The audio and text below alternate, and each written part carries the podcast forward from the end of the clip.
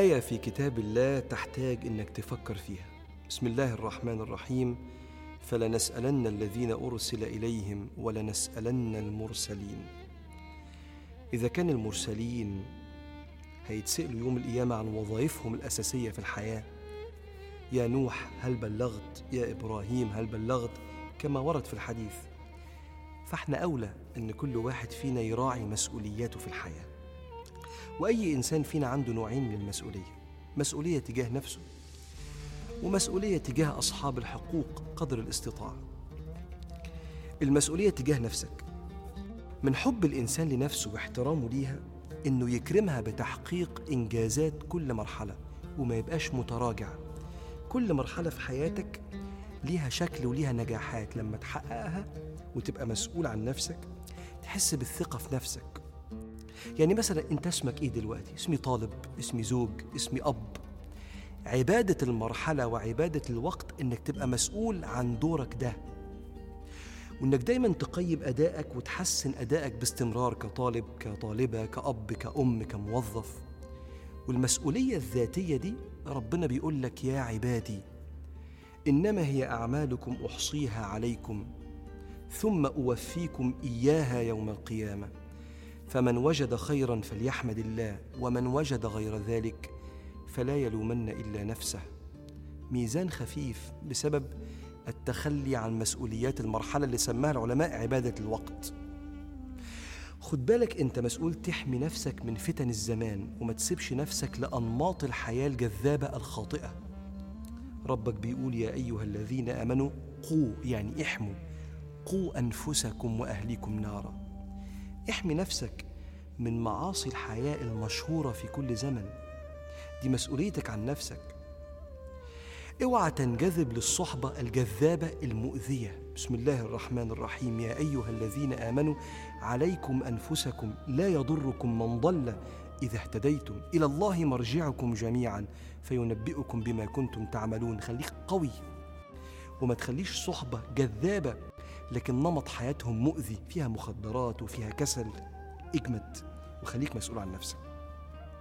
النوع الثاني من المسؤولية مسؤولية تجاه أصحاب الحقوق.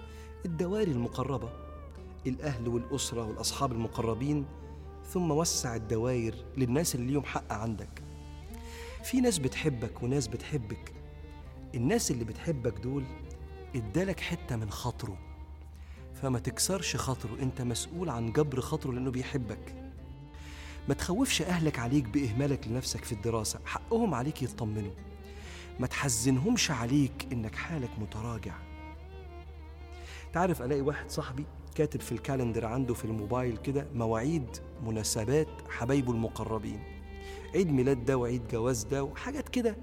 بحيث إن لما يجي الميعاد يرن فيتصل بالتليفون التاني يشعر أنا فاكرك. الحياة ما شغلتنيش عنك يا أمي. كل سنة وأنت طيبة. م- نبقى واقفين في وقفة فيقول لك إيه ده فلان عيان وخلاص ونتكلم في حاجة تانية فيكتب عنده عشان وإحنا ماشيين بعد كده يرفع سماعة التليفون حبيبي ألف سلامة عليك. فالمريض ده اللي بيحبك خاطره ينجبر إن أنت فاكره هو في دقته وعياه. اتمشى مع واحد صاحبي في الشركة وإحنا مروحين يلف على المكاتب مش مك... مش مكاتبه والشركة مش شركته. في مسؤولية تجاه أصحاب الحقوق. أنا الشركة بالنسبة لي كيان بنتمي ليه. يطفي أنوار المكاتب عشان الشركة ما تدفعش. نور زيادة. بنبسط قوي لما أشوف شاب صغير مثلا يقلع بنطلونه ولا يقلع التيشيرت بتاعه ما يرموش في الأرض. ما في واحدة بتشتغل بتنظف. ظهرها اتقطم. من كتر ما بتشيل ورانا جزم وبنطلونات وفانيلات يحط بس الحاجة مكانها. ولا شاب ولا بنت يخلص أكل يحط الطبق في الحوض. ما تغسلش. ويا ريت تغسل. ما تغسلش معلش. حطه بس في الحوض. بدل ما الوالدة تروح ثلاث أربع خمس مرات عشان تشيل ورانا كلنا. المسؤولية دي الإنسان لما بيكون كده بيكبر عند أهل السماء وعند رسول الله صلى الله عليه وسلم اللي ربنا وصفه بالمسؤولية عن العالم فقال ووجدك عائلا فأغنى. عائلا يعني مسؤول مشغول بحال الناس فربنا اغناه بالرسالة وبالعلم حتى يدلهم على الله سبحانه وتعالى.